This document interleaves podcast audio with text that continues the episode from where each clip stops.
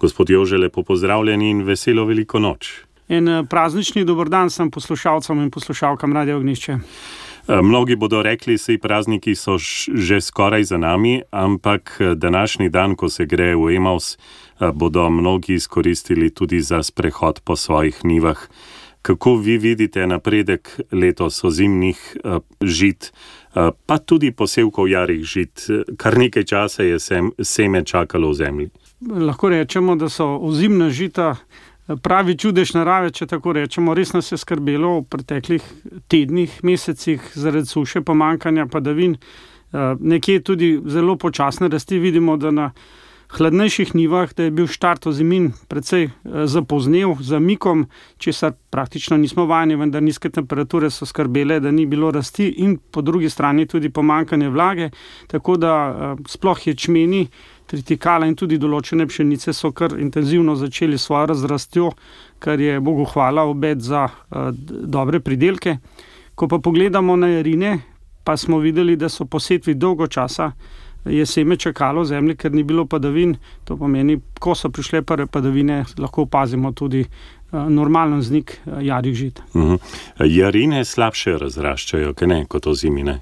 Tako je, jarine imajo za svojo razrast bistveno manj časa, zato ob kasnejših setvah, ki jih je bilo letos opravljenih, res veliko. Eh, obvezno svetujemo gostejšo setev, kajti eh, podaljševanje dneva, dviganje temperatur, seveda poskrbijo, da imajo manj časa za razrast, manj razrasta, pa pomeni manj stebel, manj klasov na kvadratni meter, avtomatsko manjši predelik kot pri ozimnih žitih. Nekateri kmetje so dognojevali že v tisto sušo, potem nekateri tudi začesali gnojila, zato da ne bi šla po zlu. Drugi šparajo, ker je gnojilo drago. Vaš pogled, magister Jože Mohar. Pri ozimnih žitih in pri jarih si seveda si brez dušika, brez dodatka dušika ne moremo. Eh, predstavljati nekih eh, solidnih, dobrih predelkov. Dušik je nujno potreben tako za razrast, za zasnovo klasov in na, na vse zadnje tudi za rast. Uh, ker ste pomenili tudi česanje. Seveda, česanje je eden tudi, tudi od dosti poceni ukrepov, glede na cene dušika v trenutnem času. Česanjem, nekako po naši oceni, povzročimo seveda zrahljanje gornje plasti uh, tal okrog korenin, kar pa pomeni, kot bi recimo dali enih 20 kg dušika na hektar, se pravi tudi uh, večkratno česanje je zelo primerno za.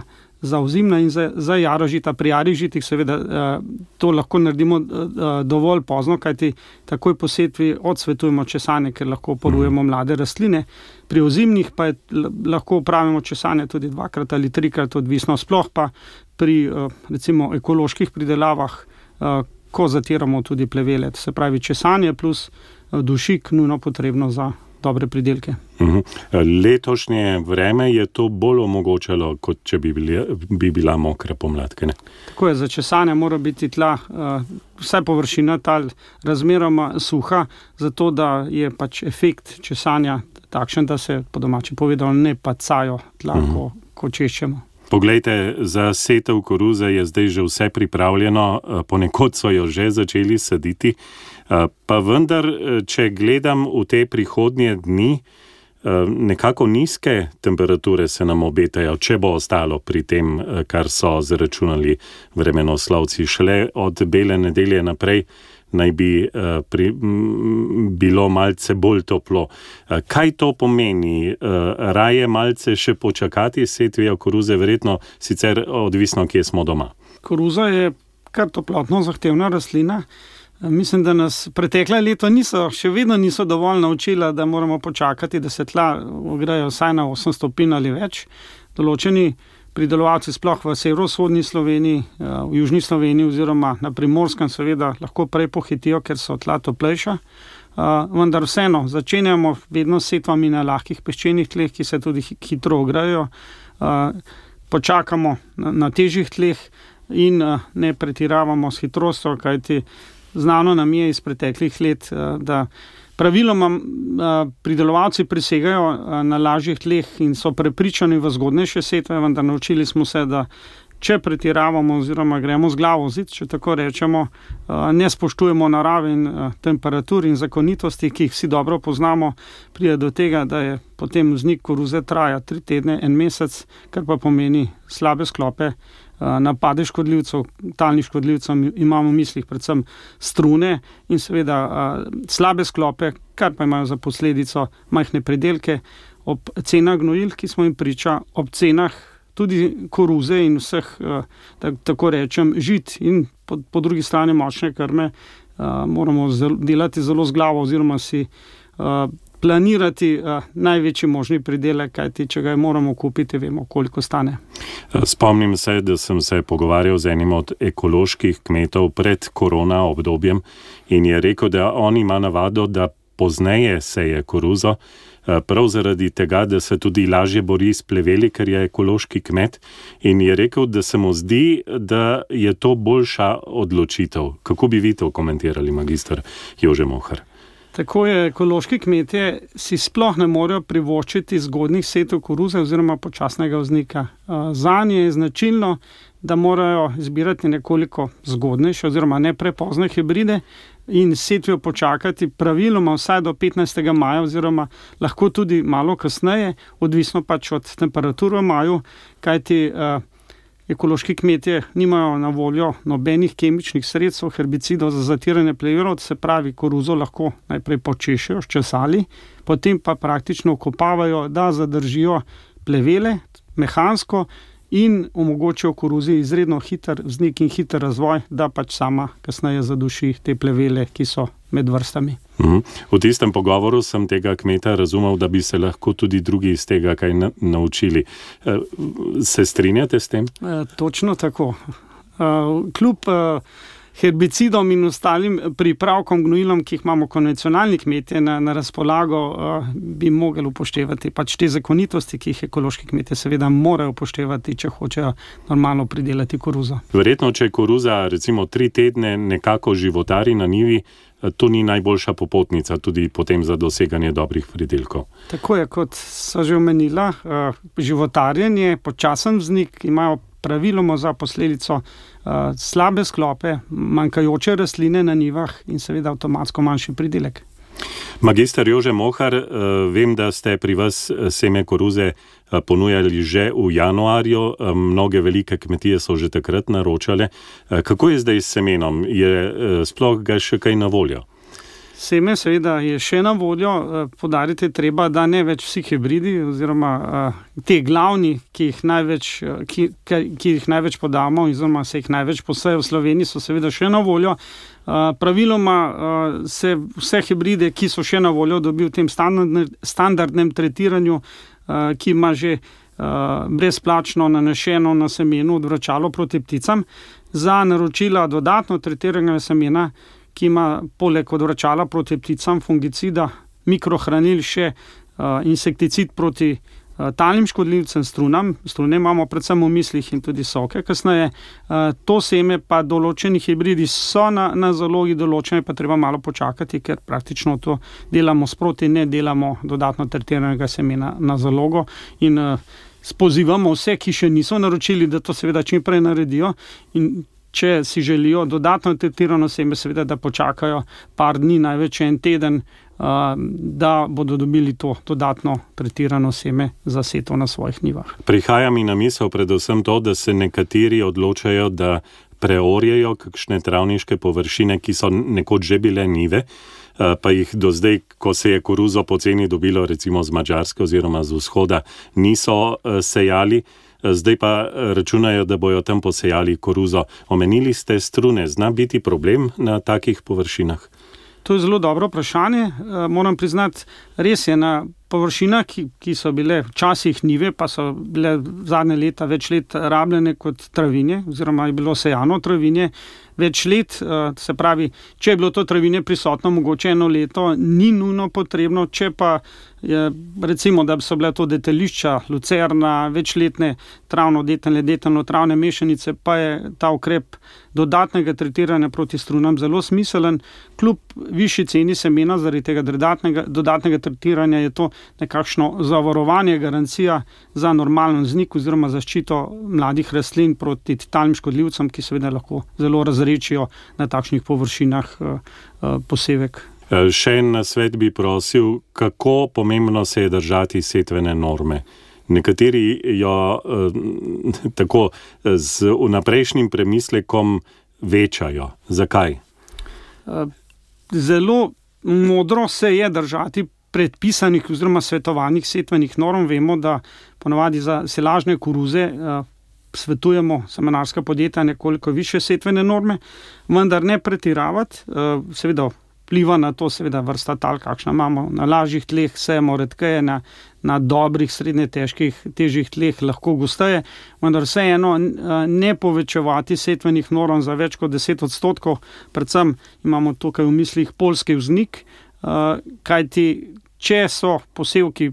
Kasneje pregosti so rastline pretanke, kar pomeni, da so bolj občutljive na lom, na ob, ob, v primeru kakšnih močnih vetrov, viharjev in, in podobno. In, uh, če koruza, seveda, ko zori poleže zaradi pregostega sklopa, imamo, uh, si naredimo medvedjo uslugo, praktično takega, take, take, takega posevka ne moremo normalno požeti in imamo manj pridelka, kot bi imeli ob normalnem sklopu, ko so rastline lepo razvite, imajo lepo razvite stože.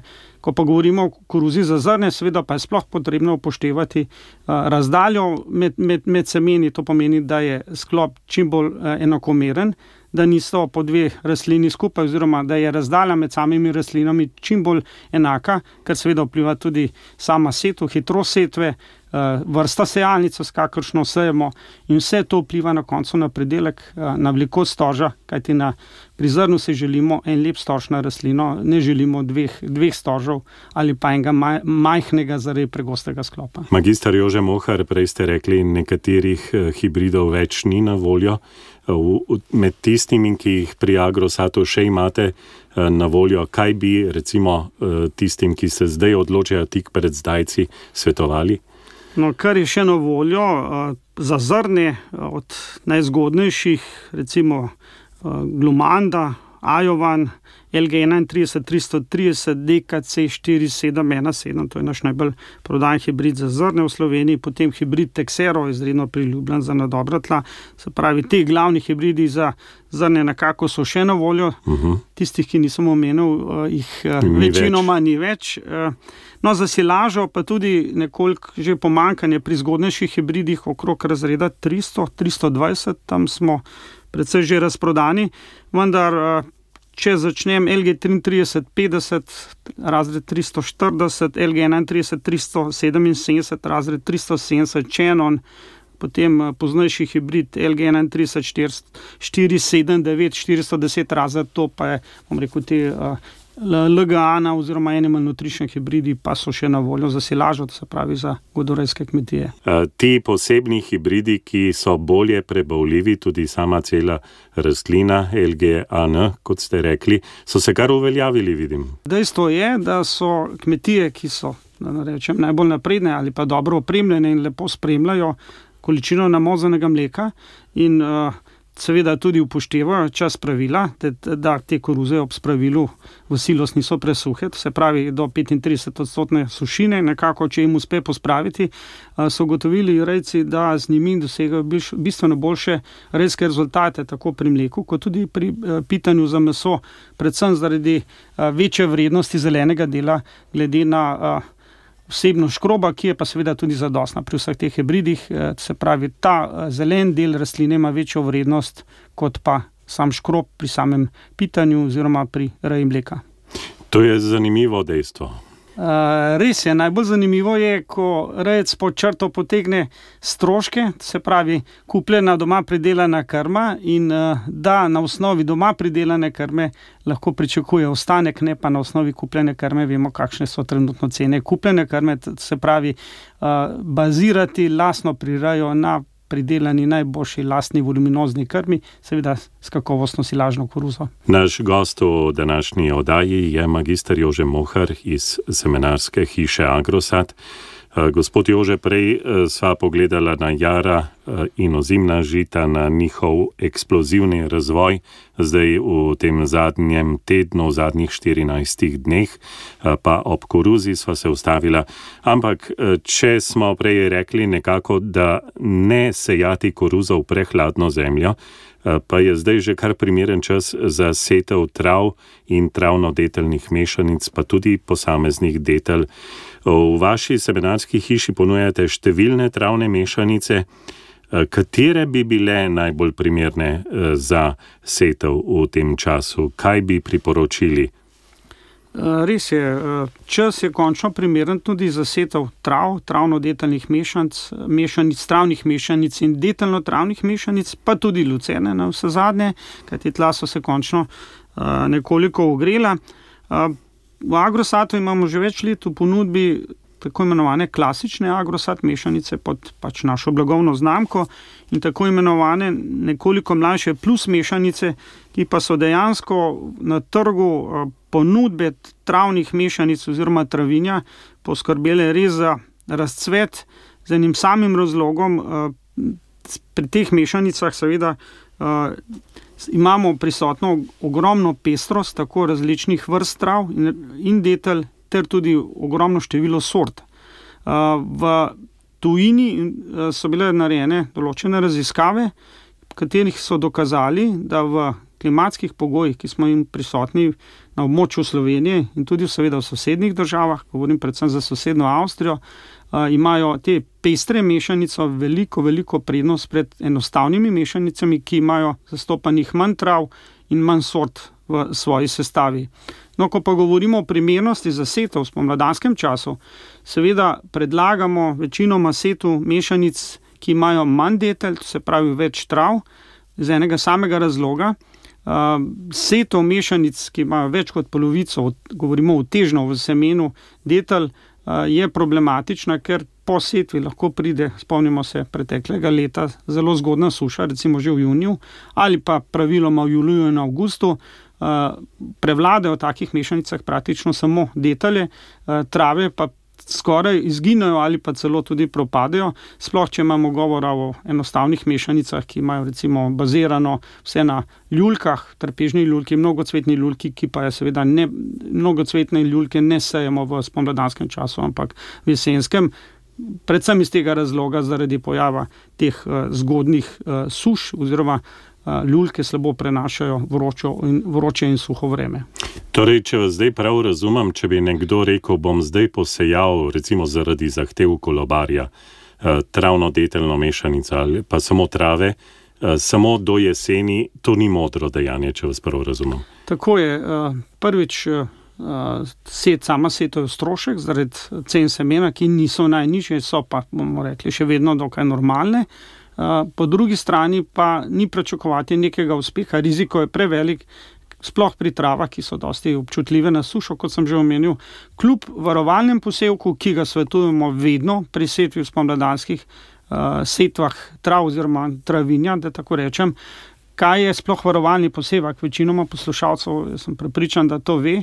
To pomeni, da po setvi uh, mešanice, posejemo še jaro žito, recimo oves, ječmen v polovični setveni normi, z namenom, da zaščiti te mlade rastlinice trav detelj, ki seveda počasneje kalijo proti tem termofilnim, kot rečemo, plevelom, ki začnejo zelo eh, hitro rast, ko se dvignejo temperature, se pravi, jaro žito zaustavi plevele in naredi senco, če tako rečem, po domače, tem mladim rastlinicam, da imajo možnost, da se ukoreninijo, razvijajo in da jih te, recimo, zgodne poletne pripeke ne poškodujejo oziroma uničijo. Mhm. Ja, to je eh, zelo modro se zavedati, ker uh, sam strošek obdelave pa strošek semena, če potem po črto nimamo pridelka, je to lahko za kmetijo zelo veliko breme. Tako je. Magister Jože Mohar, ker ste prej omenili raziskave, tudi sam sem pred časom dobil v roke eno zanimivo raziskavo, ki, eh, če se prav spomnim, jo je opravljalo avstrijsko kmetijsko ministrstvo. Predvsem eh, pa so eh, v njej primerjali v Avstriji eh, avstrijske mešanice, travno-deteljne, ki so na voljo tamkajšnjim kmetom. Eh, in gledali, kaj se z njimi dogaja v teh spremenjenih klimatskih razmerah. Eh, vsi govorimo, eh, kako se vse skupaj spremenja. In res je tudi tam, sem videl, da je pisalo, da bolj kot je pestra, boljši so bili rezultati. Sej vemo, Avstrija je tudi nekako v tej smeri umerjena, da bi vendarle uh, delali na tej pestrosti, ker se pozna povsod, tudi v biodiverziteti in tako naprej. Pa me zanima, a pri vas imate kakšno tako mešanico, ki, ki bi lahko rekli, da je eh, skoraj kot travnik, če jo zdaj posejemo na nivo? Sosedje so se kar znanstveno lotili vseh teh raziskav in praktično dokazali, da ta pestrost res povečuje neko zanesljivost in kakovost to je drugačen pogled na samo pridelavo travinja kot recimo sever Evrope. Danska, Nizozemska, Severna Nemčija. Kjer... Je, da se je pozdralo, poznalo tudi na zdravju živali, ki so to krmo uživali. To se še spomnim, oprostite. E, tako je. E, v bistvu sama pestrost uh, samih mešanic. Ne govorimo samo o parih vrstah trav, ampak o več vrstah trav. No. Če to pre, prenesem na naše razmere v uh, naši semenarski hiši, smo že pred leti ustvarili tako imenovano mešanico Agrosa 2, ki je praktično najbolj pestra mešanica na slovenskem trgu, že kar nekaj časa. Njeno pestrost smo pa še povečali do te mere, da vključujemo vanjo še večje število sort posamezne vrste. Uh, lahko rečemo, da ima sama mešanica kar devet vrst trav, to ni malo. In posamezna trava, še dve do tri sorte znotraj, se pravi, tega odtežnega deleža semena, Poleg tega pa še tri detelje, belo deteljo, nokoto in črno deteljo, ki so nekako naravno prisotne v slovenskem travinju. Če govorimo o povprečju, seveda v različnih pokrajinah različno, vendar vseeno prisotne trave, kot so visoka pahovka, travniška bilnica, pasja trava, travniška latovka, trstika stabilnica, ki jo iz preteklosti poznamo kot travo, manj vredno travo, vendar žlahtnjenje je pripomoglo k temu, da nima več tako trdih licev, se pravi, da je okusna za živali. Govorimo seveda o različnih, eh, bolj ali manj kakovostnih travah, ki poselijo praktično tudi slabše površine in obstanejo v sušnih razmerah. In to je v bistvu cilj te pestrosti, je, da taka mešanica zdrži tudi res neugodne vremenske razmere, ne pa idealne, kot so narejene te najbolj intenzivne mešanice, ki bazirajo na trpežni ljulki, eh, skrižani ljulki. Seveda, trpežna ljulka se pojavlja tudi v 2 plus mešanice, vemo pa, da v naravnem travinju vse te trave najdemo tudi. Podariti pa je treba, da ne gre za ekstremno intenzivno mešanico, govorimo seveda o mhm. travno-detaljni mešanici, ker je večino uh, notri trav, manj detalj, uh, kot je pač to prisotno tudi v naravi. Vendar podariti je treba, da te uh, ne tako intenzivne trave, katere recimo gnojimo lahko s 40 do 50 kg dušika za vsako košnjo. Če bi ta dušik povečevali, pač praktično uničimo trave, kot je recimo zelo kvalitetna visoka pahovka, ki jo vidimo kot najvišjo travo na naših naravnih travnikih, v tem primeru seveda to sejemo na nive, vendar vseeno. Treba je upoštevati, da gre za srednjo intenzivno mešanico, vendar za mešanico, ki je praktično res najbolj uspešna v uh, zatravljanju uh, njiv ali pa tudi kakšnih slabših površin, recimo v kombinaciji s našo mešanico agrosatosom, ki je narejena za te slabše površine in za pašo kon. In s temi mešanicami, seveda, če to zmešamo, recimo v razmerju 60-40 odstotkov, še dejansko povečamo samo pestrost v sestavi in se res približujemo nekako naravnemu trevinju, ki pa seveda zdrži tudi v slabih uh, pogojih za pridelavo, pomeni sušah, vročinah in tako dalje. Vedno imamo nek pridelek, ki je, uh, bomo rekli, dobre do odlične kakovosti, ne pa osko gledano samo lulke, ki so seveda najboljše trave za proizvodno uh, v godoreji, vendar vseeno te pestre mešanice dajo zanesljivost in še vedno zelo dobro kakovost napram naravnemu travinju, ki pa je marsikje zelo poškodovano, predvsem zaradi preveč košen in preveč intenzivnega gnojenja, se pravi nepravilne rabe. Morda bova jeseni kakšno besedo še o tem rekla, ker mi prihaja na misel, da bi lahko takšna mešanica služila tudi, ko obnavljamo travnike. Obnove travnikov, ki so poškodovani oziroma uničeni, upravljamo ne, do neke mere tudi v spomladanskem času, vendar dosejavamo in vsejavamo samo trave, brez detelj, v jesenskem času pa si lahko privoščimo, ko je seveda dinamika rasti naravnega travinja počasnejša, da vnesemo lahko tudi detelj oziroma mešanico, kot je Agrosa 2 oziroma Agrosa 2, ki je najbolj podobna naravnemu travinju. Magister Jože Mohar, ob koncu, kaj bi svetovali? Je pomlad primerna tudi za setev lucerne? Oziroma kako bi morali to izvesti, da ne bi prišlo do propada posevka. Seme lucerne ponavadi je kar uh, drago. Uh, res je. Uh, dejstvo je, da je spomladanski čas bistveno bolj ugoden za setev lucerne kot jesenski čas. A, zanimivo. Ve, večina Slovenije se je lucerno poletno-jesenskem času. Vemo, da težave, do težav pride pri setvi lucerne, če uh, marsikdo, in dosti krat se zgodi, da kdo zamudi, se pravi, da se seto za, zamakne v uh, september, konec septembra, potem uh, pride jesen, nizke temperature. Lucerna potrebuje seveda za normalno ukoreninjanje in svoj razvoj visoke temperature, kar pa jih pričakujemo seveda v spomladanskem času, kajti praviloma se spomladi z izjemo parih let se temperature tal in seveda tudi temperatura zraka dvigujejo, kar lucerni odgovarja, da se lahko v poletnih eh, mesecih dobro ukorenini, tudi za cveti, se pravi, uh, naredi res močen koreninski sistem, kajti za njo vemo, da na odsednih tleh, ki niso kisla, se pravi na 6,5, naj bo pH vrednost teh tal, se pravi rahlo kisla tla, so še vedno lahko ali bolje neutralna, bolj lucerna, naredila globok koreninski sistem. Meter, meter, pa pol, dva metra, mislim, da več metrov globoke korenine v dobrih tleh, lucena lahko ustvari in seveda je v takih pogojih zelo dobro odporna na poletno sušo in uh, predstavlja eno res, pravimo, kraljica krvnih rastlin z razlogom, zelo dober vir surovih beljakovin za pridelavo na gledorejskih kmetijah, pač za krmo krav ali pa tudi za krmo pitancev. Kdaj torej zdaj spomladi? E, sejati lucerno, recimo, če gledate letošnje leto. Smo že prepozni ali? Ne, e, lucerno seveda lahko sejemo še, še v maju, Uh, problem je, če smo prezgodni, saj, uh, uh -huh. če pogledamo malo nazaj, uh, minus oziroma okrog ničle v jutranjih urah ni primerno za seto lucerne. Ona je zelo občutljiva, sploh ko, ko skali na te nizke temperature, sploh v kakšnih zatišnih legah, kjer se je še pojavljala slama, seveda, slana, uh, seveda lahko zelo hitro pozebe.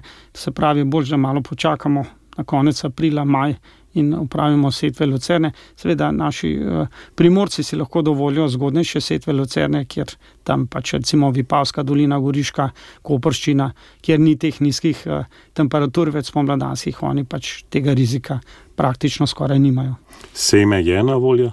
Tako je, uh, naša, lahko rečem, paradna sorta je sorta Emiljana, kjer imamo na voljo največ semena. Uh, v zadnjih letih, že kar nekaj let, pa imamo na voljo bolj kot ne inokulirano seme, pomeni seme, ki je obdano s temi uh, bakterijami, rizobium, ki naravno živijo v tleh, ti pomagajo pri vzniku da uh, lažje, hitreje vznikne rastlina in se tudi bolje ukorenini, in v bistvu že v prvem letu daje nekoliko večji pridelek kot v kasnejših letih. Saj vemo, da lucena naj raste na njivi vsaj 3, 4 ali 5 let ob dobri, pravilni rabi. Uh mhm. -huh.